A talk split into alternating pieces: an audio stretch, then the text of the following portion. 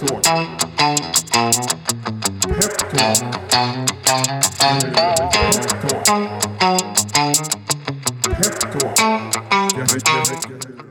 Då säger vi varmt välkomna till ännu ett avsnitt av eh, Peptalk, en podcast från Peppins.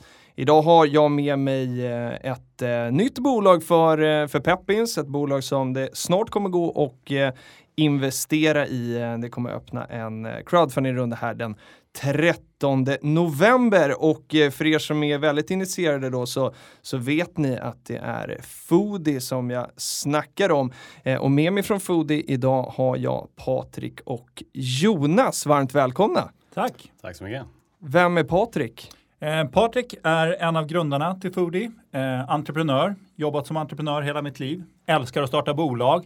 Jag älskar när det är lite sådär utmanande i början innan allting sitter, när man får liksom utmana affärer, konkurrenter, affärsmodeller och allt vad det nu kan vara för någonting. När det börjar bli lite later stage i bolagen så brukar inte jag vara riktigt lika värdefull.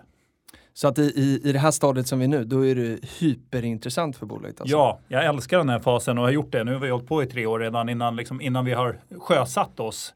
Men, men jag tycker det här är fantastiskt och det här är, ja, om inte det så är det en av de absolut roligaste grejerna jag har gjort i mitt liv. För här är en kombination av både att få bygga, att utmana en konservativ gigantisk industri men också att, att eh, göra någonting som är gott. Alltså vi gör ju någonting som även är liksom nyttigt och förbättrar folks folks vardag helt enkelt då, i och med att mathandling och, och mat är så angelägen fråga för alla människor i hela Sverige och hela världen. Då.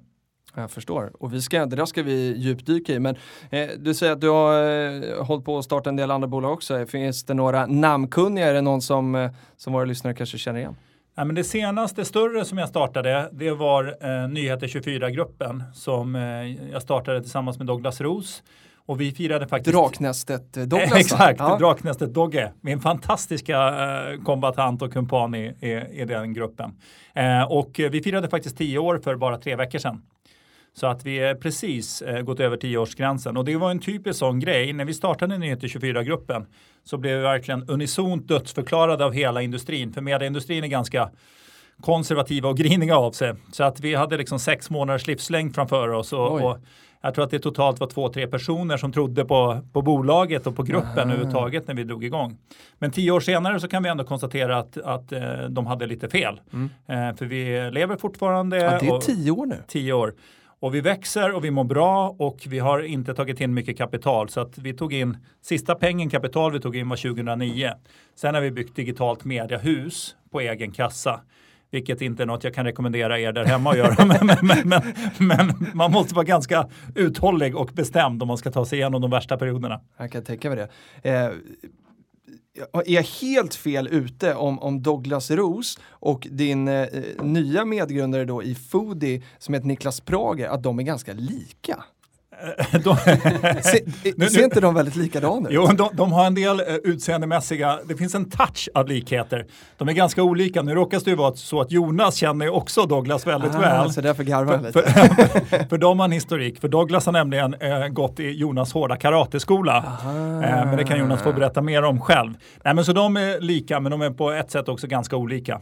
Ja, jag, jag, jag menade bara till det yttre, för att jag, jag känner ju knappt någon eh, av dem. Niklas har jag träffat ett, ett par gånger då. Men ni kan väl googla Niklas Prager och eh, Douglas Ros så får vi se om ni tycker att de är lika. Ja, det är bra. Så kan de skicka in ifall det är så att de tycker att det är, att det är någonting som är väldigt likt. Ja, Alltså vi kan få en tokviral spridning på det här. Ja. Och bara se vem, vem är vem.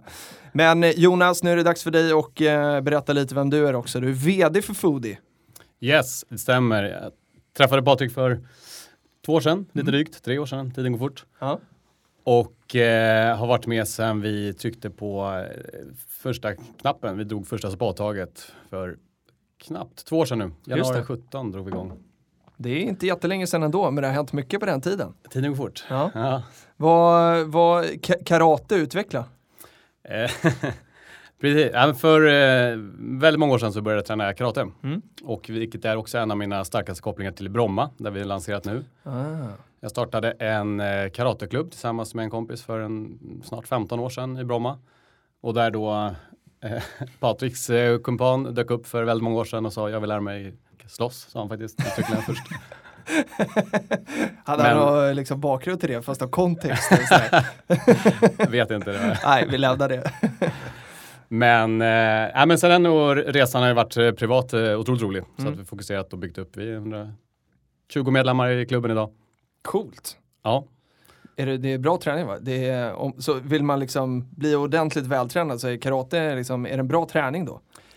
ja men det skulle jag säga. Men jag tycker karate är så bra för att det är lite som jagas, ser inte så jättestor ut. Och det är väldigt bra för då blir man underskattad också. Så att man ser Ah. lite snäll och glad ut och så PAM! Just det. Så när det kommer jobbiga frågor för mig då vet jag att det smäller. Exakt.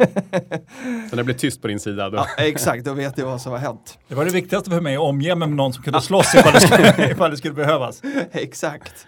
Ja, men hörni, eh, jättespännande, men det vi är här för att prata om är ju såklart eh, den här hyperlokala matbutiken Foodie. Och Yes. eh, nu körde jag liksom mikro, mikro, mikro-pitchen.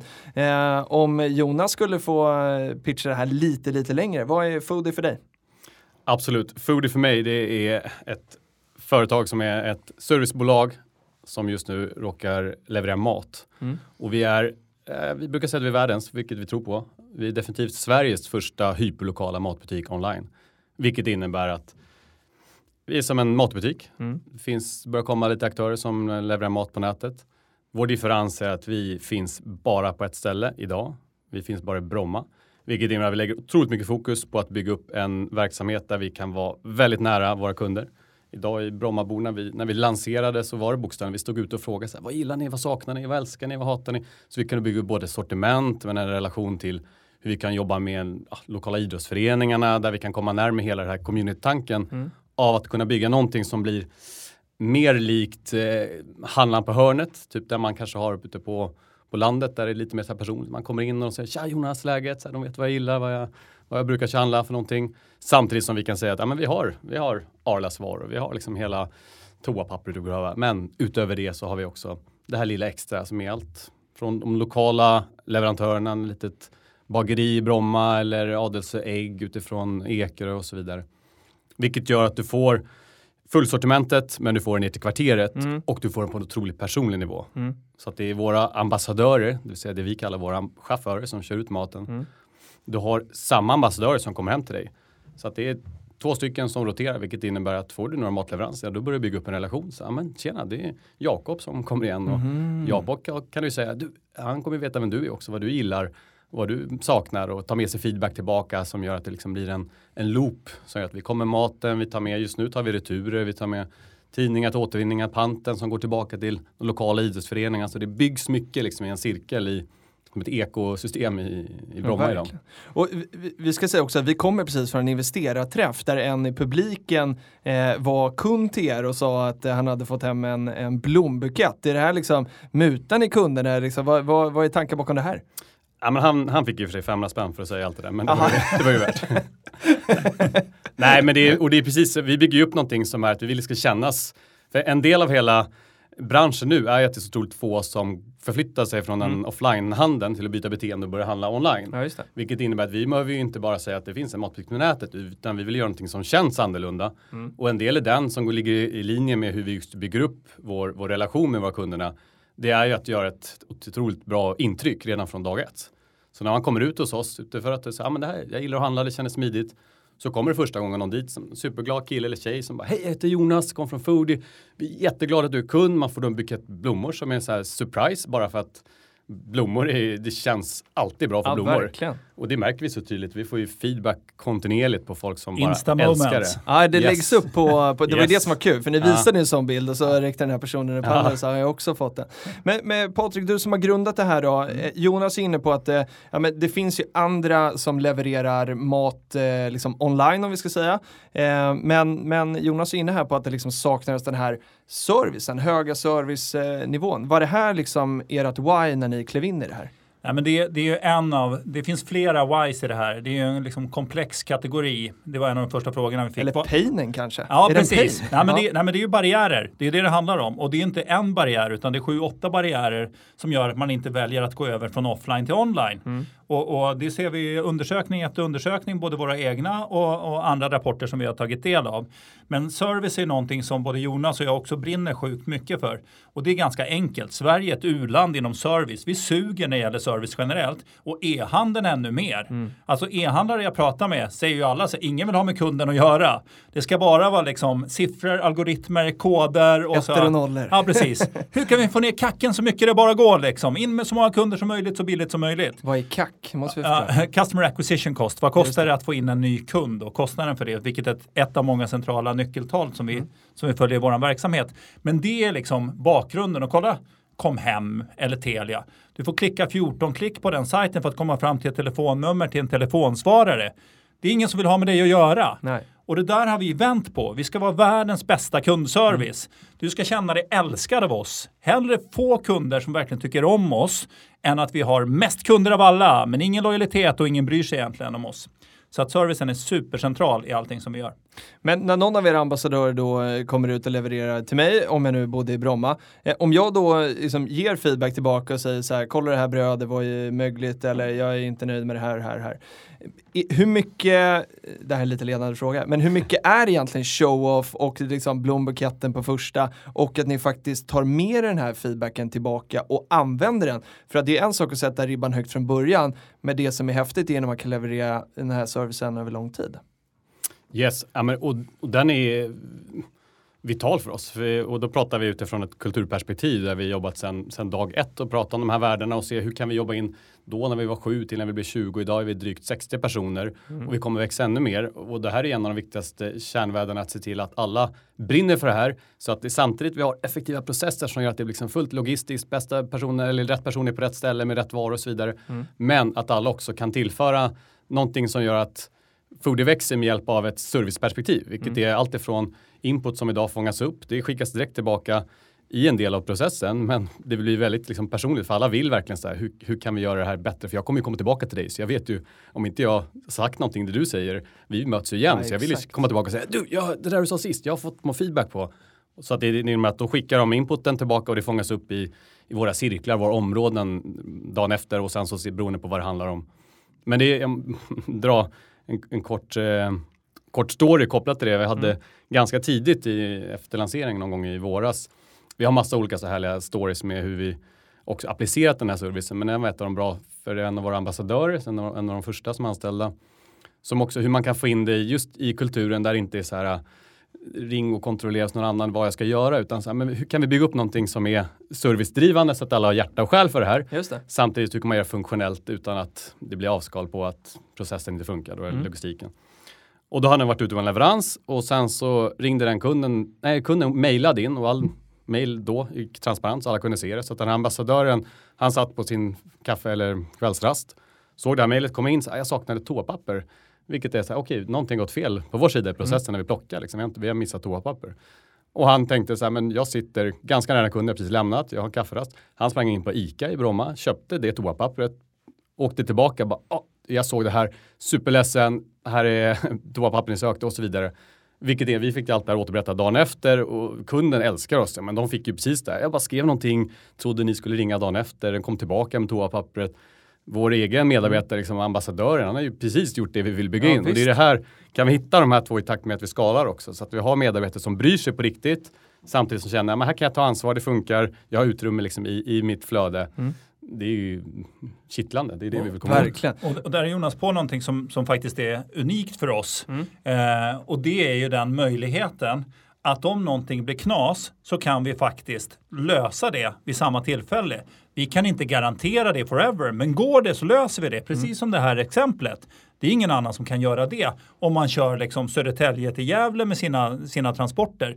Men cirklar du bara i Mariehäll som ambassadören då, då kan du verkligen, okej okay, nu glömde Johanssons fick, det var något fel på tomaterna. Då kan man faktiskt lösa det samma kväll, vilket är oändligt starkt för dem. Och en annan grej i anslutning också är ju att, att vi verkligen har lyssnat på kunderna när det gäller sortiment. Mm. Är ju, nu kör vi faktiskt en kampanj på det till och med. Så här, Tack Anna-Karin för att du tipsade oss om Findus nya ah, okay. chili ketchup. Ah. Nu har vi tagit in den åt dig och åt er alla andra också. Mm. Så att vi verkligen jobbar med den här nä nära dialogen mellan oss och kunderna. Mm. Men eh, Patrik, jag avbryter lite eh, för att förklara kacken och vi pratar liksom ja. barriärer och sådär. Ja. Det här ska vara en utbildande podd så man måste förklara all, ja, all lingo. LTV ska vi kasta in också. ja, gärna. Vad är det då? Lifetime value. Det är Just det viktigaste av alla mått. Kan du väva in det när, du, när, när jag frågar dig om att, ja, men, för att förklara ännu mer historien eh, från liksom ritbordet till det FOD är idag? Ja, Nej, men om, om vi nu tar de här begreppen också med kacken och LTV då som är centrala mått och, och tillbaks till som jag också sa när vi hade den här, eh, den här träffen på lunchen tidigare Mm. idag är att jag har jobbat med marknadsföring hela mitt liv. Mm. Jag tycker det är fantastiskt att bygga varumärken och bygga kampanjer och inspirera nya människor att bli kunder. Eh, Men jag har alltid byggt det därför att flest vinner. Vi ska ut så brett som möjligt, prata med alla, skrik, kom igen, liksom så. Precis som e-handlare igen, liksom så här, ja, nu fick vi in 42 000 på det här mejlutskicket vi gjorde. Av dem så var det tre som tog sig igenom hela fannen och blev lojala kunder och de flesta fattade inte var de hade hamnat. De hade klickat fel eller de visste inte vad de höll på med. Att vända på den kuttingen och investera i våra kunder. Vi har råd att investera i våra kunder. Och det är en av de bärande. Vi vet inte ännu vad vi har för lifetime value. Vi pratar om att på tre år är en kund 7-8 tusen i lifetime value. Men om du tittar på mathandling historiskt. Om du har en lokal ICA-butik till exempel i närheten där du bor. Vad har du för lifetime value där? Det är kanske en halv miljon, en miljon du har gett till den där ICA-butiken. För att den är närheten och så vidare. Och så vidare. Och det är någonstans, blir du och jag bra kompisar så är det egentligen först när vi gör bort oss som vi kommer tappa dig. Just det. Och du lägger 1000-1500 kronor i veckan på din mathandling. Så ett lifetime value för oss skulle kunna vara 2, 3, 400 000 över tid. Och det gör att kacken då, hur mycket vi kan investera i en ny kund, är väldigt mycket högre än om vi ska gå ut och nå en global audiens och vi Ja, försöker liksom, vi kan betala 19 kronor per sign-up och hej och hå liksom så. Vi kan investera mycket. Mm. Vi kan ha liksom event på din gata för dig och dina kompisar för att se att okej, åtta av tio i kvarteret är kunder, nu vill vi få in de två sista ytterligare i det Mm. här. Och det är det som är så häftigt. Och det är också den enda kategorin ingen tänker på att man är i marknad hela tiden. Ja, Alla är i marknad. Mm. Och det är inte en fråga, ska jag handla? Utan bara, var ska jag handla den här veckan? Mm. Ska jag gå till ICA, Coop, Foodie? Ja, var ska jag göra min mathandling? Mm. Så att det är snarare att man vill följa det där tick in the box Mm. än att man hamnar på konsumtionskontot. Ja, typ Zalando, ska jag köpa skor? Nej, jag väntar till nästa månad istället. Ja, ja. Det är det som är så otroligt kittlande i den här kategorin.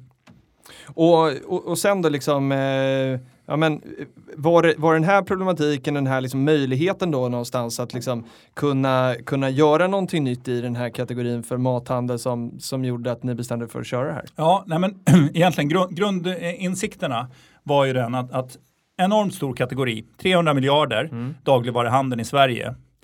1% då för tre år sedan var digital. 1%. Ja, det var inte med för tre år sedan? Okej. Typ sämst i Europa. Vi är bland Aha. de sämsta länderna i Europa. Kollar man London så är de över 22 procent nu. Och det har drivits av en då digital only-spelare som heter Okado som är marknadsledare. Mm. Det är inte de traditionella kedjorna som har tagit liksom, pole position in Nej. i den marknaden. Och så tittar man, gigantisk marknad, nästan ol- oligopol, nästan monopol för att Mm. ICA har halva marknaden och är fantastiska på att driva offline-delar. Stora utmaningar att gå digitalt. Mm.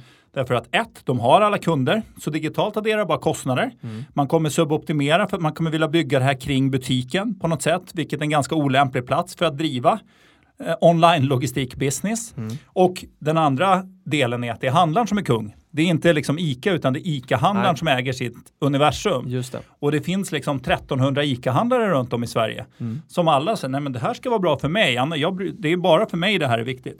Så att du har en marknadsdominant som har, kommer ha svårt att ställa om Mm. och kommer göra det i den här hastigheten. Och så har du några få online-aktörer och som då brottas enormt med lönsamhetsissues. Mm. Och av den enkla anledningen att de började för tidigt och fick sprida sig geografiskt alldeles för tunt. Vilket gör att de inte har nog många kunder på liten yta. Och det märker vi ju redan att vi har sjukt mycket högre kunddensitet Mm. än vad någon av de andra aktörerna har. Vilket vi ser på effektivitet i, i last mile delivery redan. Så att med de utgångspunkterna, få aktörer digitalt. Vi trodde för tre år sedan att det skulle bara booma massa nya aktörer. För vi, men det här, nu måste ju alla starta, nu skyndar vi oss. Exakt. Tre år senare, det har blivit färre aktörer. Ja. De som fanns, de två som säljer fullsortiment, de ena har hållit på nu i 12 år och de andra har blivit uppköpta av Axfood under Ja. den här perioden. Så att det blivit färre aktörer, har inte tillkommit några nya aktörer. Och vi har insett det också mycket, att det insteget är ganska kostsamt. Så man behöver ändå liksom ticket to ride för att komma in i kategorin. Och de digitala, eller de eh, analoga, har inte utvecklat sina erbjudanden speciellt mycket under den, den här perioden. Så det var liksom utgångspunkten in i det här. Att det måste kunna gå att göra det sjukt mycket bättre. Och en frustration från min sida att vi här i rummet och flera, vi borde vara självklara kunder. Men vi handlar inte mat online. Nej. Varför handlar inte vi mat online? Nej. Och det är, tror jag, sunt förnuft. Det är inte tillräckligt enkelt och roligt. Nej. Det är de här barriärerna igen. Vi måste få bort barriärerna för att få kunderna liksom att, att hoppa på tåget och göra det igen och igen och igen. Så att det inte blir, ja vi testade, det var väl okej, nu är jag tillbaka till min ICA-butik. Men varför är det så viktigt att handla mat online? Alltså, har, har vi liksom, finns det en utmaning på den här marknaden? Liksom? Är, det, är, är det bättre för mig? För jag handlar inte online, jag är 29 år, man kan tycka så här, man är, man är ung och så här, men man säger, ja men jag bor inte i Bromma, sorry. så liksom, så är det då så här, nej men för mig, eh, jag, jag känner ingen superpain i att gå till min Coop eller Ica liksom och handla. Var, varför behövs det en till matbutik online liksom? Nej, men det, det, det man kan säga där, den, den stora grejen är att det är bättre för alla parter. Om, om du kan sitta och på ett enkelt och kul sätt få gjort din veckohandling, din mathandling och kanske även din impulshandling. Genom att liksom, här, pang, här är din matlista, klick, ett klick på, på knappen, då är du klar, din mathandling kommer hem till dig. Och du har aggressiva priser på det. Så är det mycket bättre för miljön. Ja. Alltså det är aspekter ur alla. Det är mycket mer hållbarhetsperspektiv. Det är bättre att maten ska färdas så få meter som möjligt. Alltså både från leverantör till oss men sen också från oss ut till dig. Så att det finns så många aspekter i det här som gör det så mycket bättre. Men det är, ingen har gjort det tillräckligt bra. Så Nej. enkelt är det. Det är nog det som är problemet. Och så får ni gärna komma till min del av stan också då, så, så ska jag testa det. här. Men Jonas, berätta, du, du berättade tidigare att ni är ju faktiskt ganska många anställda. Ni eh, har inte funnits jättelänge, men det, det här är ju ett helt bolag liksom. Hur ser organisationen ut idag? Liksom, eh, vad, vad är det för business idag helt enkelt? Ja, men det är, vi, även om vi fortfarande pratar utifrån ett startup-perspektiv så är vi ju medelstort bolag nu. Vi är ju över ja, 64 på pappret, eh, såg jag i morse. Vilket innebär att vi vuxit från 20-tal i våras. Så att Vi har vuxit väldigt fort. Och vi kommer fortsätta göra det just framförallt mycket inom eh, lager och inom leverans. Och medan vi har däremot väldigt tidigt var vi med att staffa upp eh, rejält på det som är overhead och på alla olika områden som vi ser att här vill vi ha rätt kompetens. Vi vill ha människor på plats väldigt tidigt för att kunna bygga det här så att det är en substans i det som sen är skalbar istället för att göra det parallellt med tillväxten. Just det. Men, Men, så ni har ett lager alltså? vi har ett lager. Ja, Vi finns i Järfälla, Mm. ute i Väddesta. just det. Och Västerort för den som inte är bevandrad i Stockholm. Exakt. Ja. Och det är därifrån eh, vi utgår när vi åker ner till Bromma idag. Mm. Eh, och sen nu när vi, vi kommer in på lite senare, men i nästa, eller nästa lansering här nästa vecka. Just det. Eh, men och och där sitter vi och vi har byggt upp, så bolaget är byggt på, vi kallar det cirklar, vilket är så olika, olika områden som ibland, berör varandra och ibland fokuserar på sin egen cirkelcirkelområde. Vilket är byggt utifrån ett produktperspektiv där vi bygger upp hela vår produkt med allt vad det innebär, både utifrån ett tech, alltså ett eh, utvecklingsperspektiv, tjänsten och sajten och så vidare. Till eh, marknadscirkeln där vi primärt det som Patrik varit inne på, hur vi fokuserar på att bygga upp ett, ett marknadsföring i världsklass på en lokal, lokal ort. Och sen har vi eh, vår eh, store som är vår butik. Och den är, innefattar egentligen det som är med försäljningen och själva butiken i sig som handlar just om att vilken, när jag kommer in i Bromma-butiken, vad möts jag av för, för varor, vad är lyft fram, för vilka kampanjer har vi nu, hur, hur, hur blir den relevans kopplat till mig som person och mig som Brommabo eller. Kungsholmenbo eller vilken ort som kommer in på. Och sen har vi vårt största område som är service. Och det är just utifrån perspektivet att allting vi gör är så servicedrivet. Så att där i ligger leverans, det vill säga att våra ambassadörer som kör ut och hela logistikapparaturen och även lagerverksamheten med just hur vi jobbar upp för att kunna plocka ihop kassa på ett effektivt sätt och samtidigt samma sak där, känna någon personlig relevans i att jag menar, det är inte bara slänga ner mat i en, i en kasse utan det ska, det ska vara en wow-upplevelse bara när du öppnar upp den här kassen hemma. Och så, shit, det här är inte bara fräscha grejer utan det är också fint packat. Och tanken med att inte få en, en gurka i en stor kasse utan att det nyttjar även där hur vi jobbar med, med hela en, en lagerkedjan. Exakt. Men vad hände då i, för eh, det finns en rejäl body, det är, ett, liksom, det är ett bolag, det finns Ja. många anställda lager och distribution och sådär. Eh, och så slog ni upp eh, liksom dörrarna då, eller sajten i, i våras, i april. Vad hände då? Liksom eh, strömmade folk in? Hade ni liksom med Patriks marknadsföringsskills här då liksom stod folk liksom i kö och körde? Liksom, berätta, vad, vad hände vid lansering? Ja men det var, vi lanserade 9 april då i Ja. år. Och då var mycket upptakten inför det var också att så här, vi vet ju inte riktigt egentligen hur det här kommer tas emot. Vi Nej. tror att så här, det här kommer folk gilla. Vi var ute och provtestade lite innan till lite vänner och familj Ja. som bodde i Bromma. Och sen hade vi en liten lokal, vi stod ute vid ett, i, en, eh, i Nockeby, en del av Bromma Mm. och, och bjöd på lite kaffe och pratade om mat och pratade om mat online och så vidare. Och sen så slog vi stora knappen där vi i samband med det hade gjort, eh, vi satte upp lite tunnelbanereklam. Vi fanns på ett, ja men vi har lagom utbud, synt kunde man se oss. Och tänkte första veckan så här, vi får nog in 150 kunder som, som provar på oss och vi kan testa hela leveransflödet och allting. Och jag tror att mm, första dagen så hade vi fått in 300 nya kunder som ville ha leveranser. Mhm. Vilket var superkul. Men, och det var också som blev, sen bara fortsätter det välla på i den takten. Så här, det här är inte, vi var inte riktigt redo för det insåg vi. Att vi på pappret så kändes vi väldigt redo. Men sen helt plötsligt när det blev tredubbla, sen blev det fyrdubblade. Då märkte vi att det här, för att kunna hålla den kvaliteten vi pratar om. För första dagen, andra dagen blev vi liksom redan där kände att vi kommer ju bli försenade om vi jobbar på det här sättet. Och det får inte ske när vi pratar en servicebolag och vad Nej. vi vill uppnå. Så att då började vi göra, vilket är så här, ja, roligt ur perspektivet att det gick bra men väldigt jobbigt för att vi fick börja skära ner sig. Vi kan inte ta, vi säger maxkapacitet på hur många kunder som fick beställa. Alltså ni tackade nej till order liksom? Vi fick börja, ja, jag tror, i den värsta, eller värsta bästa, i ett läge så låg vi att vi var fullbokade i två veckor framåt. Oj. Och det var ju, det kändes ju jätteroligt och jättesorgligt på samma gång. Mm. Så att eh, så första tiden blev verkligen, okej, det, det korta var att folk gillar det här. De är nyfikna framför allt och det vill komma åt, apropå det här med att 2% handlar mat online. Mm. Okej, nyfikenheten finns när vi kommer och pratar foodievärdena på något sätt. Mm. Men vi måste ju såklart takta upp, vilket var det vi la eh, 2000% på att se till att hur kan vi se till att vi inte landar i sånt här skede igen. Mm. Vilket gjorde att vi fick en liten eh, stiltje under våren som vi sen gjorde att vi kom ifatt till sommaren och kunde då växa och eh, takta i under Mm. höststarten. Hur har det gått sen då Patrik? Vad har hänt i Bromma nu, november som vi står i nu? Ja, nej, men det har ju varit en helt fantastisk start. Eh, helt makalöst. Jag är faktiskt eh, chockskadad. Så att av 35 000 hushåll i Bromma så har över 10 000 av dessa hushåll har registrerat sig hos oss redan. Och över 6 000 av alla hushåll har handlat hos oss redan. Okej. Så att på så kort tid har vi liksom verkligen brutit igenom isen på ett sätt som vi, det var långt över vad vi hade estimerat att vi skulle ha för traction i Bromma under, under första perioden. Så det har ju varit en fantastisk start. Och samtidigt, det är ju bara starting pointen. Nu har liksom att vara newcomer, det är ju kul och det är ju ett första liksom, steg i riktningen. Men vi ska ju få folk att handla igen och igen och igen och igen. Vi vill ju vara din primärkälla för din mathandling. En gång i veckan ska vi komma hem till din dörr. Det är ju det vi bygger för.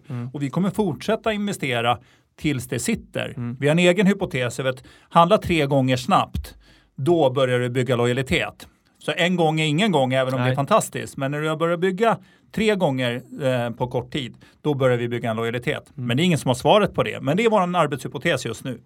Så att sjukt bra start. Och nu, det är så konstigt, nu är stressnivån väldigt låg trots att vi ska lansera ett nytt område Ja, nästa vecka. Jonas kan berätta om det. Han hade liksom stormöte för personalen i morse om vad som händer med lanseringen nästa vecka. Ja. Berätta jättegärna, vi är supernyfikna. Mm. Ja, men det är, och för oss, vi pratade om i morse att det här är vår, vår första andra lansering. Alltså Mm. vi nu, nu tar vi allt vi har lärt oss i Bromma och sen dag ett har det varit så här, vi vill testa så mycket som möjligt, ta med oss alla de här lärdomarna och se till att Brommaborna på den vägen mår, mår sjukt bra och sjukt nöjda. Mm. Och sen när vi går in i första, i nästa område som vi gör nu den 15 november när vi öppnar upp butiken i Danderyd. Då har vi med oss allt det här och vet så här, perfekt, vad, vad kan vi göra ännu bättre? Vad, vad vi vill fånga upp tidigt? Vad vill vi förändra? Vad är vi nyfikna på? Alla de här komponenterna som vi kan ta lärdom av och se hur vi kan, eh, precis den effekten vi fick 9 april i Bromma vill vi ha i Danderyd. Men den här gången nu, nu, nu är vi redo, vi har stretchat och det här, vi ser bara fram emot samma sak. Finns det någon logik i liksom Bromma, Danderyd, så här, eh, för mig som är från Stockholm så har jag liksom, det är hyfsat välbärgade områden, är det liksom, finns det någon sån poäng i varför ni har valt just de här eller är det slumpmässigt? Nej, men vi, vi har ju, till att börja med, vi har utgått från lagret och det var ju som Jonas redan har berört, det var viktigt för oss redan från dag ett. Vi måste ha hela kedjan. Ja. Om vi ska bygga världsklassservice, om du ska verkligen bygga en stark relation till oss, då kan inte vi liksom säga okej, okay, men vi har liksom ett gäng som, som plockar och sen är det DHL som levererar och så är det någon annan som gör ditten och datten. Vi ska ha från A till Ö. Mm. Våran sajt, våra eh, ambassadörer som kör bilarna, vårat lager och så vidare. Och utifrån att vi nu har vårt huvudlager i, i Järfälla mm. som kan ta oss långt vidare från där vi är. Vi kommer kunna hantera drygt 30 000 orders per månad från, eh, från eh, Brommalagret som det ser ut nu. Så är ju det en central faktor. Vi kommer liksom inte lansera Södertälje som nästa Nej. område därför att det är inte praktiskt utifrån lagrets densitet. Men sen har vi som Jonas har varit inne på, vi är väldigt datadrivna. Mm. Vi mäter alla events. Varenda liten grej har vi koll på. Allt ifrån vilka hus i kvarteret som är kunder till hur mycket de handlar per tillfälle till hur mycket en kund kostar att dra in per olika kanaler. Vad kostar ett direktreklamsutskick för kostnad för en kack? Eh, vad kostar ett event? Mm. Och så vidare. och Så vidare. Så de grejerna mäter vi mm. och det bygger vi då våran Foodie Mastermind som är egentligen våran hjärna kan man säga, mm. våran blueprint över var ska vi lansera härnäst. Okay. Och utifrån Danderyd så var det så tidigt på bogen så vi hade inte tillräckligt mycket data för att kunna göra hela den övningen. Men vi söker lite av den här community-grejen som Jonas har varit inne på, bykänslan. Och Bromma ja. är en by och mm. Danderyd är en by också. Ja, ja. Eh, och det vet vi att det är ganska bra. Det är tacksamt för, för den produkt som vi håller på med. Inför tredje området, vi har inte ens spikat det området, men det kommer att vara i norrort och vi har ju sju, åtta områden som vi har på bruttolista. Men när vi gör det, då vill vi ha så mycket data som möjligt så att det blir det mest sofistikerade beslutet vi kan. Mm. Baserat på hur ser det ut med butiker i området? Hur ser populationen ut i området? Eh, densitet av hus versus lägenheter och så vidare och så vidare. Så det är ett antal parametrar som vi sammanställer då i vår mastermind som ska hjälpa oss som beslutsunderlag över vilket område vi tar efter eh, som nästa ut över Danderyd. Då. Är det, vad, vad är bäst, lägenheter eller hus? Ska man bo i Eh, tättbebyggt eh, område eller eh, mycket kåkar? Vad, vad, vad ligger man bäst till för att få foodie nära? Det där är en fråga som inte vi har något färdigt Nej. svar på i dagsläget. Nej, men Nej, men vår, vår grundhypotes var ju hus. Vi har ju pratat ja. mycket om villor. Liksom, mm. För, att, core-målgruppen som vi ser det har varit stressade småbarnsfamiljer. Mm. Som bor i villa, två barn, liksom, mamma, pappa eller liksom vilken konstellation man nu lever i. Visst. Men vi har också märkt att vi har fått väldigt bra traction i lägenheterna. Ah. Och lägenheter i förort är ju betydligt också enklare. Än. Vi har ju sagt till exempel att stan ska vi vänta med ett tag för det är en helt annan kom komplexitet där. Ja, Folk bor så nära sin butik och promenad, alltså det är en helt annan logik. Men, men eh, vi kommer inte exklu exkludera någon. Nej. Vi älskar både eh, husägare och eh, lägenhetsägare eller hyresrättsinnehavare. Eh, Men så. så. där ni går in, både Bromma idag och Danderyd sen, det spelar ingen roll om man bor i hus eller lägenhet, man kan handla vi, oavsett. Vi har fler yes. lägenhetskunder än, än, huskunder i okay. dagsläget kan ja. man säga. Mm. Så, så ser det ut än så länge, men det är också väldigt olika områdena. Det är många fler lägenheter än hus i Bromma. Mm. Danderyd är fler hus än lägenheter, så det beror lite grann på vilket område som man adresserar naturligtvis. Just det. Jag tänker att vi ska prata lite konkurrens. Eh, det finns ju liksom Mathem och .se som köptes av Axfood som du sa här tidigare. Eh, och så har vi de fysiska matbutikerna. Vem är konkurrenten egentligen? Vem är den liksom eh, huvudkonkurrenten? Jonas? Ja, men huvudkonkurrenten är, det är offline, de, de ja, traditionella butikerna. Okay. Absolut. Mm. Och det är också de som vi är intresserade av. Det är de, precis det vi pratade om i början, det är beteendet som vi är ute efter nu. Att få mig själv som konsument att säga, jag är van att gå på butiken och nu ska jag börja handla online. Mm. Och det är den förflyttningen, de, de få som redan handlar på nätet idag, det, det, det, är, det är så liten del. De, vi är ute efter de här 98 procenten ja, som idag går till sin matbutik, vilket är ju ICA, Willys och alla de traditionella storbutikerna. Men hur, hur gör man då, för att jag tänker att vi ska komma in på liksom skalbarheten i det här då. Eh, hur, eh, för det är ju populärt buzzword idag, ni får gärna slå ner på det om ni vill. Men, men alltså hur, apropå kack då sådär, hur, hur är det skalbart att bara rikta marknadsföring liksom Bromma-Danderyd än som eh, Mathem som finns liksom mycket, mycket bredare nationellt och så att säga, men man går ut till TV4 och berättar för alla. Det är ju svårt för er att köra TV4 när, när det bara är Brommabor som får handla liksom. Ja, men det, det är inte dyrare. Det är inte bara svårt, det är dessutom väldigt dumt att gå ut och göra tv-reklam Ja, på men det är TV4. verkligen- Folk blir arga. om, om vi gör TV4 tv-reklam, då får du nästan banka mig i huvudet. Okej, ja, då lovar För, jag. för, för det är ingen målbild som vi har. Nej. Utan det har ju varit i och med att de här aktörerna som har eh, varit först, first movers Yes. online, de fick ju gå ut innan det fanns en marknad. Då har de blivit tvingade att gå ut väldigt brett i sina kanaler och spritt sig till massor av olika städer på kort tid. Ja. Men, men det är liksom utifrån att jag då igen är ma- gammal marknadsförare i botten, grund och botten, så är det otroligt kostnadsineffektivt att prata med hela världen, att skjuta hagelbussa. Vi skjuter ju targeted. Vi, Ja. vi vet ju, vi ska ju bara prata med Brommabor och vi ser den kostnadseffektiviteten. Till att börja med är det typ aldrig, jag vet ingen som har gjort stor brandingkampanj i bara en förort till Stockholm. Säger så här, nu gör vi Bromma-dominans. Det, bara det är ju sjukt häftigt. Och det vänder ju också på kuttingen, det blir mycket mer gammelmedia om man får säga så. Liksom lokal dagspress, eh, tunnelbanereklam, eh, direktreklam i brevlådan, event på torget snarare än att det bara är Facebook geostyrning och liksom programmatic retargeting och, och, och, och vad det nu kan vara för några geofencing-lösningar och så vidare. Så, att, så att det gör ju att varenda krona jobbar ju rätt in i målgruppen. Varenda krona jobbar ju mot maximal effektivitet. Och, och sen bara som en not också med de som har liksom kört tv-reklam brett. De har liksom lagt hundratals miljoner på kategoriannonsering. Utan att nämna någon enskild aktör, men flera aktörer har ju just pratat om färsk mat hem till dörren, X. Färsk mat hem till dörren, Y. inte så här, välj oss för att vi är bättre eller roligare eller snällare eller vad det nu kan vara för någonting. Nej. Så de har liksom gått i bräschen och precis som Jonas säger, vi älskar alla digitala aktörer. Allt ifrån liksom Mathem, Mat.se, Willys lösningar, Linas matkasse, you name it. Ju fler som handlar online desto bättre. Vi ger oss inte förrän ni två handlar bara Nej. online. Nej, nej. Det är ju dit vi ska och då kommer alla måste hjälpas åt Exakt. och sluta gå till sin lokala ICA eller Coop-butik med sämre sortiment och sämre priser och sämre möjligheter att kunna lösa servicelagret.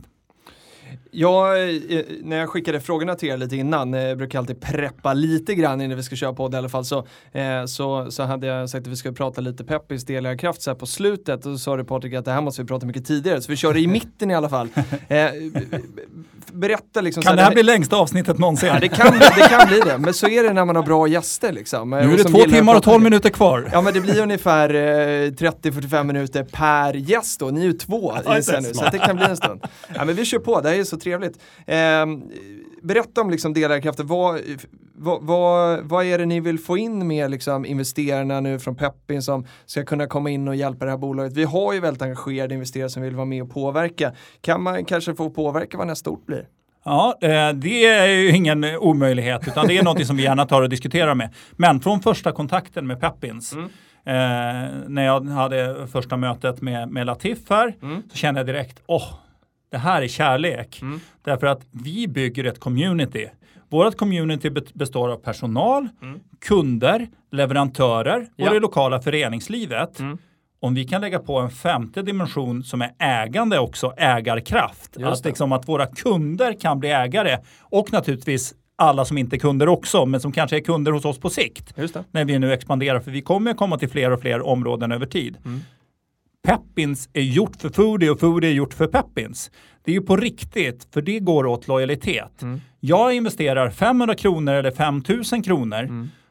och är delägare i min egna matbutik. Mm. Och för varje gång jag handlar så ökar värdet på mina aktier. Just det. Det är både bra för plånboken och bra för Ja, ja, mig som verkligen. privatperson. Så det är på riktigt win-win. Och det är någonting som vi tycker är svinhäftigt. Mm. Och nu liksom gör vi våran första grej ihop. Men jag tror att det finns så mycket mer man kan göra över tid. Verkligen. När man kan gå in och, alltså, man ska kunna göra liksom crowd-emissioner i crowd-emissionen. Ja, ja. Säg till exempel att Brommaborna säger så här, men vi skulle vilja ha ett lokalt kafferosteri. Mm. I Bromma, det finns inget lokalt eh, kafferosteri. Att man hittar, okej, men då tar vi in en halv miljon för att dra igång vårt kafferosteri. Visst. Så är det Foodie och Peppin som möjliggör liksom, Absolut. det kafferosteri-setupen. Så man kan både liksom växa neråt men även mot nya vertikaler och nya lösningar. Mm. Så att, nej, Ja, jag, jag tycker gärna. Peppins är super, super spännande. Kul! Eh, och, och det vi vill åt här, liksom, för att jag gillar verkligen det här ni pratar om eh, liksom kundservicen och hur man liksom ska bemöta ens eh, liksom, konsument och ens kund. Men, men här, och här blir ju liksom ägaren en helt ny dimension, en helt ny liksom, intressent som, eh, som eh, kan vara både då eh, kund och ägare. Eh, men jag tänker så här, vi, eh, vi ska komma in liksom, eh, investerare gillar ju ändå lite siffror. Eh, och för att förstå siffrorna lite grann så tänkte jag fråga dig Jonas, här, vad, hur tjänar ni pengar? Vi, vi tjänar ju pengar på, på maten. Ja. Det är en hemlighet. eh. Det är inget annat så här som eh, ni också skickar med i kassan eller så. Nej, det är maten. Ja, men hur funkar det då? Ni köper in och sen... Eh, Ja, precis, vi har ett 40 30-40-tal leverantörer idag som, Ja. som vi köper där vi har eh, såklart några större aktörer som Mm. vi köper majoriteten av varorna från ner till lilla bageriet som sagt i Bromma där vi köper en, del bröd och annat ifrån. just det. Och, eh, och det är en del av det som Patrik var inne på förut med hela kedjan att vi får ju mer och mer också direkt från producenten in till vårt lager. Mm. Och i en del av den är att det är där vi kapar de här olika leden också så att vi kan få bra inpriser vilket innebär att vi kan ge ett, ett bra utpris som gör att vi kan hålla den här känslan av att ah, det kostar som i butiken med det fria leveransen och allt det som, som vi tillför. Eh, och det är där vi har, vi har marginal och det är den marginalen som i takt med tillväxten sen så täcker upp hela alla de rörliga kostnaderna och fasta kostnaderna idag och sen fram till ja, nästa, nästa lansering och så vidare. Exakt. Vad är det som, eh, som kostar mest pengar då? Ni, eh, som Patrik sa, ni bestämde tid för att liksom äga hela kedjan och sådär. Och, och det är väl inte helt billigt kan jag tänka mig. Liksom. Vad, vad, vad, är- vad är det som kostar pengar? Ja, i, i, idag driver vi, stor del av kostnaderna ligger i de här fasta, där vi, Mm. där vi har byggt upp det som vi pratade om förut, där, men en overhead som är redo för att kunna vara med hela vägen till 2021 och, och, ha utväxling på det. Så vilket innebär att idag står eh, de fasta för nästan 80% av kostnaderna mot de rörliga. Just det. Men det är det här som vi ser också i takt med vår tillväxt hela tiden så vänder det sig. Så när vi är någonstans i 2022, 2023 då är vi uppe i 70-80 i rörliga kostnader och motsvarande i fasta. Vilket är just för att vi, vi har byggt upp nu för att kunna ha, ha det här i tillväxt till upp till sju orter. Vilket är väldigt få fasta, till, fasta kostnader som kommer tillkomma Mm. och sen bara växa. Direkt när vi behöver fler leveranser, det behövs en till bil, det behövs en till ambassadör. Vilket innebär att det rörliga blir väldigt skalbart för att då enkelt kunna växla upp utan att dra på sig ännu mer. Ännu mer kostnader. Och, och du pratar 2021 och tittar vi i, eh, vi ska också säga att eh, vill man eh, liksom djupdyka i siffror så, här, så kan man gå in på peppers.com, klicka på Foodie eh, och så hittar man både ett pitchdeck eh, som är lite eh, färre sidor och så har vi ett fullständigt memorandum då som det heter med Eh, med allt ni behöver veta. Och där ser vi eh, i det här att eh, just 2021 så ska ni ha en positiv ebit då, earnings before interest and tax. Eh, är det liksom, är det här den största utmaningen att nå lönsamhet i någonting som de, det finns ju två stora andra aktörer som, där det, liksom, det kostar liksom väldigt mycket pengar. Är det här fokuset nummer ett, att det ska vara en lönsam business? Det här är absolut en av våra största drivkrafter. Ja. Och, det är ju mycket kopplat till det du var inne på att idag är det ingen som visar att det, är- att det är lönsamt att ha, mat online i Sverige. Nej. Och det är det som vi är så taggade på att kunna bevisa. Att vi under 2020 så kommer vi kunna nå break-even och påvisa det. Även om det är under 2021 som det syns på hela året. Just det. Och, och det är ju bygga upp hela den här lokala känslan, sätta hela det här varumärket som vi är på väg att göra nu. Att det känns bra i magen när man Mm. pratar om foodie. Och sen samtidigt kunna visa att det går faktiskt att göra pengar på det här. Hur viktigt är eh, liksom, de, de här bitarna runt omkring dem med liksom personal och så här som, för, för, för någonstans, det var någon som sa på den här investerarträffen också att eh, han kallar deras produkter för commodities, alltså liksom, de är inte unika i sig. Jag kan ju hitta filen hos någon annan också sådär, men hur, eh, hur, hur viktigt är det liksom då att bygga den här organisationen som gör att så, men jag vill handla av eh, Foodie-Lisa som kommer till mig eller Kalle eller vem det nu är som kommer. Eh, hur, hur viktigt är det där? Ja, men den är ju vital i, Mm.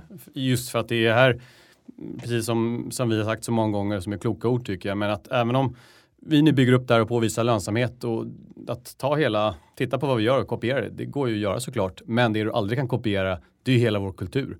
Alla vi medarbetare, då kommer vi vara flera hundra människor som står och brinner precis som vi gör idag på ett 60-tal människor. Att kunna växa med det och göra att när du vet att Lisa kommer till dörren Mm. så tycker du att det känns lite bättre. Och det är det här lite bättre som gör att också du stannar kvar. Ja. Även om någonting ibland händer eller det dyker upp något konstigt erbjudande som du tycker är attraktivt. Som såklart så att det är så otroligt viktigt är att som vi gör nu att sätta, skapa någonting som verkligen känns, det känns lite bättre. Mm. Och lite bättre betyder att vi bygger en lojalitet också. Och det var min enkla ledande fråga. Nu kommer den svåra. Hur bevarar man den, liksom, den här kulturen och också se till att det inte blir en ja, men liksom, eh, personalomsättning? För att om Lisa och Kalle är de två som kommer till mig eh, och så jobbar de en månad och sen är de så pass duktiga så att de, de går i, upp i organisationer eller åt sidan. Jag förstår att ni håller de här ambassadörerna väldigt högt. Hur, hur, hur bygger man en kultur så att de här verkligen stannar på Foodie? Ja, men det, och den är, ett är ju att sen dag ett prata om det här. Mm. Att vara väldigt transparent med vad vi vill skapa och se till att det inte heller bara blir någonting som är på en fin vägg någonstans. Nej. Utan det vi pratat om väldigt tidigt är, är beteenden. Det vill säga byggt upp någonting som är hur vi agerar, hur vi tänker och som alltid när man bygger kultur, vissa behöver vi påminna varandra om kontinuerligt tills, tills vi allihopa kan prata om det. Och i bästa värld andra beteenden, när de är så naturliga så att man bara kommer in i foodiehuset så känns det att det här är inte ens något som behöver stå skrivet någonstans utan alla vi, vi är positiva, servicedrivna, engagerade eller vilket det handlar om. Och en annan del, vi har för inte alls så länge sedan så etablerade vi också så att vi lägger väldigt mycket fokus på, vi har en, ett område som vi kallar foodie experience, vilket är just för att ta tillvara på någon som kan fokusera på att jobba med allt ifrån internkompetens som, som driver de här olika områdena som är både motiverande för att känna att jag får lite utbildning i hur man kan få frysa in bröd på ett bästa sätt, alltså hur det tillverkas, till ett andra delar som gör att det kontinuerligt byggs in i varje cirkel då som vi pratade om förut. Mm. Eh, men, och det är, det, är nu vi, det är nu vi jobbar på det som hårdast, för det är då vi kan bevisa att för oss är A och O att sätta det här så att vi kan ha med oss den kulturen när vi blir nu 100, när vi blir 200. Och det är det, vi, vi kommer bevisa det, men det är det vi jobbar för nu. Och, och det, det är klart att när vi är tusen pers, vi har inget, vi har inget universal svar på exakt hur det kommer se ut när vi är Nej. tusen anställda. Men det vi vet är att om vi inte gör det nu så kommer det aldrig att ske. Nej. Om vi säger så här, men vi börjar bygga kultur om tre år.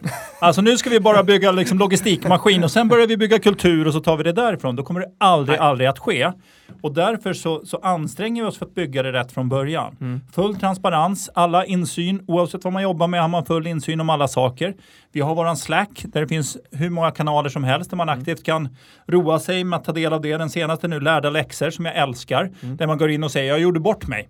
Där kan vem som helst, ja, jag kommer från coola andra matbolaget här och jag trodde jag visste allting sådär. Och så första dagen ska jag visa er hur det funkade, allt gick åt skogen. Okej. Lärda läxor, sorry. Ja. Liksom, allt ifrån en sån grej till våran app, vi har en Frankly-appen där vi frågar medarbetarna varje vecka. Mm. Hur trivs du med det här? Nyttjar vi din kompetens på bästa sätt? Mm. Till vad det nu kan vara. Till våra vecko-townhall-möten där vi, där vi diskuterar våra eh, beteenden Mm. och vi diskuterar annat centralt där hela bolaget är med. Ja. Och feedbacken so far från de som kommer från andra matrelaterade bolag, bolag är ju fantastisk. Mm. Eh, och sen så bara det här med, liksom, med cirkelorganisationen, att vi har en platt organisation. Det möjliggör också att man kommer kunna engagera sig i projekt. Mm. Okej, jag jobbar som personal shopper som är våra plockpersonal och som plockar varor. Mm. Men nu ska vi lansera B2B här i Järfälla för de här. Jag vill vara med i det projektet. Då går man in i ett tillfälligt projekt och är Okej. delaktig i en sån del som kanske inte alls har med plocket att göra. Nej. Just för att man ska få liksom röra en riktning som motiverar en själv. Mm. Så det är ju inte bara att byta liksom titel på visitkortet utan mer att man har en meningsfull tillvaro och känner att man är en del av något större. Och det är också en grej till som vi har med oss är att vi sa tidigt alla ska bli delägare. Ah. Apropå Peppins. Ah, kul. Så all personal, alla som blir fast anställda, alla. Mm. alla kommer få uppsida i bolaget om man blir fast anställd. kunna vara med på resan. Och Yes. eh, om vi fastnar igen vid 2021 så kan man läsa det att eh, då ska ni finnas på sju marknader är planerat och då är det sju byar, eller hur? Det är väl det som är. Exakt så. Är, är de här bara i liksom Stockholmsområdet eller eh, om man bor utanför Stockholm man hoppas att ni dyker upp någonstans? Ja, de här sju är fortfarande bara kopplat till eh, norrort som vi pratade om förut. Ja. Så jag som bor söder om söder får vänta lite till. Eller hoppas att det går fortare helt enkelt. Det Ja. kan ju vara så också. Exakt. Man kan ju gå in på vår eh, hemsida och så kan du skicka in en sån här önskan. Ja, man kan göra det. in lite löpande. Så här, Kanske ni jag kan skapa ett makro som bara eh, skjuter in. Superpopulär det här. Södern. Vi fick en fantastisk häromdagen från tror jag Segeltorp eller sådär. Ah, okej. Som bara så här, nej men jag kan inte leva utan er i mitt liv. Så här, kom nu, kom nu. Och vi bara, ja ja. Kanske ni kan få liksom kommunpengar till slut för att det blir liksom, ja, nu är i och för sig Bromma i Stockholms kommun men, men eh, blir det attraktivt att liksom flytta till ett område bara för att ni finns? Det hade ju varit häftigt om det är så. Mm. Men om, om vi ska liksom blicka ännu lite mer framåt då, vi behöver inte bara ta liksom de här hården för att lite visionära. Är planen att liksom finnas bredare över Sverige eller är det, liksom, är det Stockholm som gäller? Vi kommer bygga det här både nationellt och internationellt. Ja. Det finns ingen bortre gräns för det här. För att den skadbarhetsdiskussionerna har vi fått från flera olika människor. Ja, men hur gör ni om ni bara är Bromma? Hur skalar Ja, man upp exakt. det? Men i steg ett, vi bygger blueprinten i Bromma. Mm. Vi samlas sjukt mycket data. Vi kan replikera med små medel kan vi replikera till nya områden. Ja. När vi växer ur lagret, då får vi sätta upp ett lager till. Mm. Så att det är ingen rysare om vi säger att Stockholm syd kommer att vara nästa lager. Det är inte säkert att det blir så. Vi tittar nu till exempel mellan Norrköping och Linköping. Det finns flera liknande områden som är spännande. Det bor mycket människor i ett litet geografiskt område. Men då sätter vi upp nästa lagerstruktur. Men över tid så tittar vi även på franchise-lösningar. Vi har redan nu dialoger med, med, med aktörer utanför Sveriges gränser. Men i en sån setup så, så säger vi att då vill inte vi driva det själva.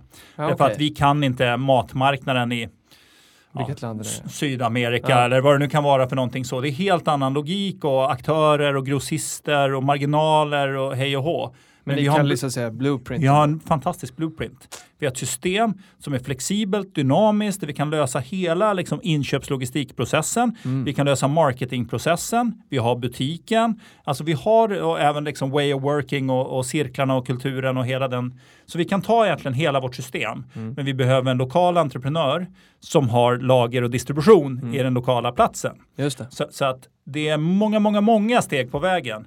Det är bara att det här som, som vi berörde tidigare, en första etapp är att vi är besatta av att bli lönsamma. Både Jonas och jag och Niklas, vi är tävlingsmänniskor. Mm.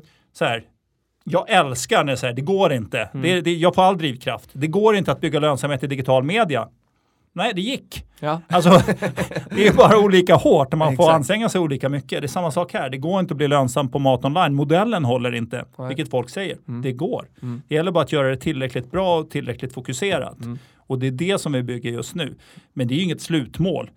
Men är vi lönsamma i Bromma så kan vi hitta en ny by som vi kan hitta motsvarande modell på. Just det. Och vi skulle kunna sätta upp i Åre eller Lycksele också, bara vi hittar rätt förutsättningar på den lokala eh, orten. Just det. Men poängen är där, och just som ni berättade, ni har liksom byggt den här bodden, de här fasta kostnaderna. Så det här laget som ni har idag ska kunna catera för fler byar än Bromma då. Har vi Exakt. förstått det rätt då? Ja, Ja. precis. Eh, och nu eh, gör ni då den här crowdfunding-rundan och tar in eh, pengar och förhoppningsvis en massa, massa nya delägare då.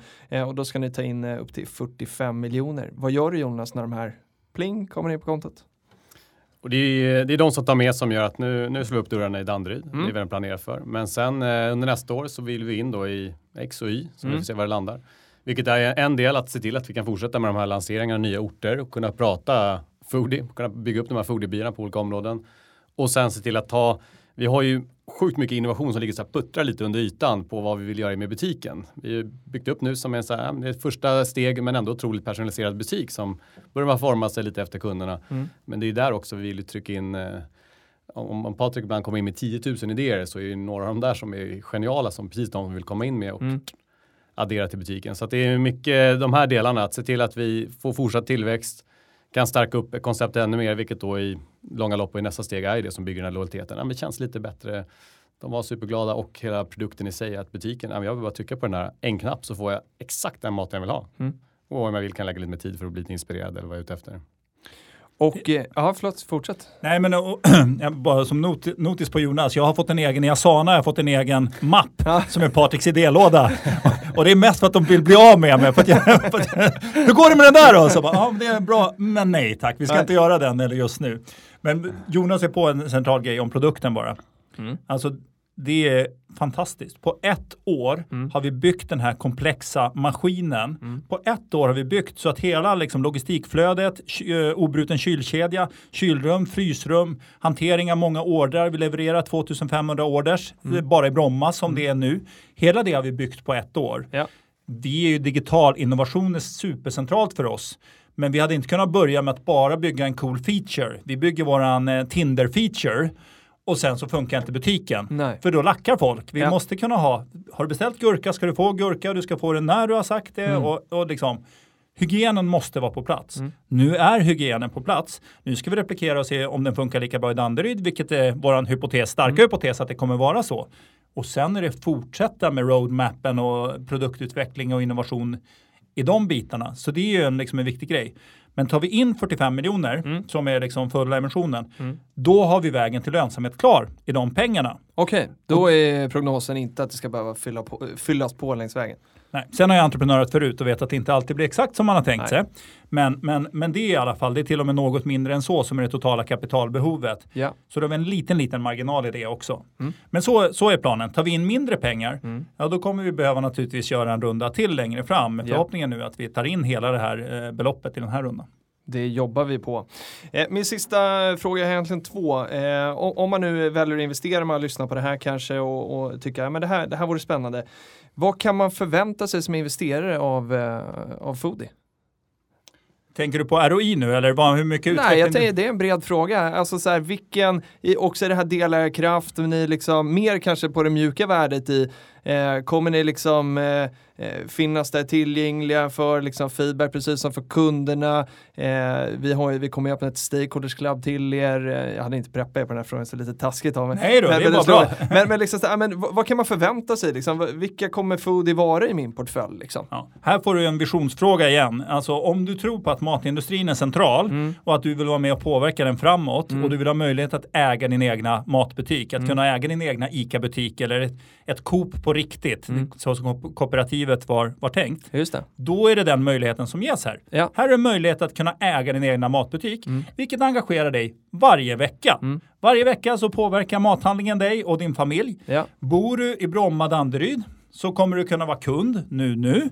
Bor du i andra norrorter så kommer vi ganska snart att knacka på dörren så har du möjlighet att bli kund och i en förlängning så har du alla möjligheter att vara med och påverka både som kund och som ägare. Ja. Och, och vi kommer vilja utmana Peppins också med liksom stakeholders club och, och delägarkraft. Så att på sikt så ska vi kunna hitta ännu mer dynamik och spänst i det och kanske ännu mer gamification-lösningar och andra Exakt. lösningar över hur man kan utveckla det här med att verkligen för konsument och kundpåverkan är svinstarkt. Mm. Vi märker det redan. Om du kan säga till, jag vill ha den här tandkrämen och vi tar in den i sortimentet. Ja, Wow, det var jag som tog in den. exakt. Det är inte så att jag är en av åtta miljoner röster i, i nästa eh, riksdagsval. Nej. Utan jag kan påverka om det händer något på torget, Mm. om vi ska sponsra klubben, om vi ska hitta på någonting annat tillsammans med klassen och det lokala liksom, communityt. Mm. Så det är det. Du kommer ha en väldigt rolig investering som inte blir passiv. Om du, du kan ju såklart köpa Bara aktier för tusen passiv. kronor och bara vara. Precis. Absolut. Men vill du så kan du och vi uppmanar också att engagera dig mycket mer än att bara vara passiv delägare. Ja, för det var min andra fråga. Sådär. Vad, vad förväntar ni er av liksom, de här delägarna som ska komma in nu? Vad, vad är det för värden ni hoppas få mer än liksom, bara pengar? För det är ju lite liksom, Peppis idé. Pengar kan man hitta lite var som helst. Men här ska det gärna vara engagerade pengar. Vad, hur, hur vill ni ha hjälp och engagemang? Ja, men det är, och det är ju precis samma som, som vi vill ha från våra kunder idag, men vi hoppas att det här blir en ytterligare förstärkt kanal. Säga att idag frågar vi kunderna, så här, Hörrni, vad, vad tänker ni? Liksom, försöka utmana dem på olika sätt. Och vi får ju ett engagemang därifrån, men återigen, sitter du som delägare så hoppas vi att då blir engagemanget ännu högre. Så att Ja. man kanske proaktivt också, Hörni, har ni tänkt på det här? Och komma så att de får kanske en egen sån här Asana Patrikslåda liksom, med tusen grejer. Och vi bara, Åh, Exakt. de här är ju, vissa är ju geniala. Liksom. De det är blir prioriterade lite högre. ja, ja, det. wink, wink. Ja, Exakt. ja, härligt hörni. Eh, det har varit fantastiskt att, att snacka med er. Har ni, eh, är det någonting vi har missat? Har jag glömt att ställa någon fråga? Är det någonting ni känner bara, det här vill jag också berätta? Eller har vi täckt det hyfsat? Det finns hur mycket som helst att prata om eh, och, och förslagsmässigt, om det är saker som man vill fortsätta prata vidare om Mm. så kan vi kanske ses igen och prata Ja, i den här formen Absolut. längre fram. Alternativt att ni ringer oss eller mejlar oss Ja. och, och, och så pratar vi gärna vidare om de möjligheter som finns. Och vi vet det, vi sitter ju inte på alla svaren. Nej, nej. Vi är väldigt ödmjuka inför det. Mm. Vi har satt ihop liksom en, en, en spelplan här. Mm. Nu vill ju vi liksom aktivera liksom aktiva spelpjäser i det här systemet, både innanför vår organisation, men även som delägare Ja. och från leverantörer, som jag sa, det här communityt Mm. med de här olika komponenterna. Så att vi vill ha dialog, proaktivitet. Det är bara liksom ringa Jonas eller mig Mm. eller liksom så tar vi en kopp kaffe om ni känner att ni har bra idéer. Så nära ska det vara. Det ska inte vara liksom där, Där borta. borta, nej. Kul! Känns som ni har förstått eh, delägarkraften, det är härligt att, att höra. Eh, Jonas Patrik, stort tack för att ni eh, gästade Peptalk. Det har varit en ära och ni är varmt välkomna tillbaka för vi kommer vilja följa upp det här sen såklart. Eh, hur går det för er och så vidare. Så att eh, vi ses eh, snart igen och varmt lycka till med emissionen. Tack, Tack. tack för det Filip. Ha det bra! Ha det bra. Hej då!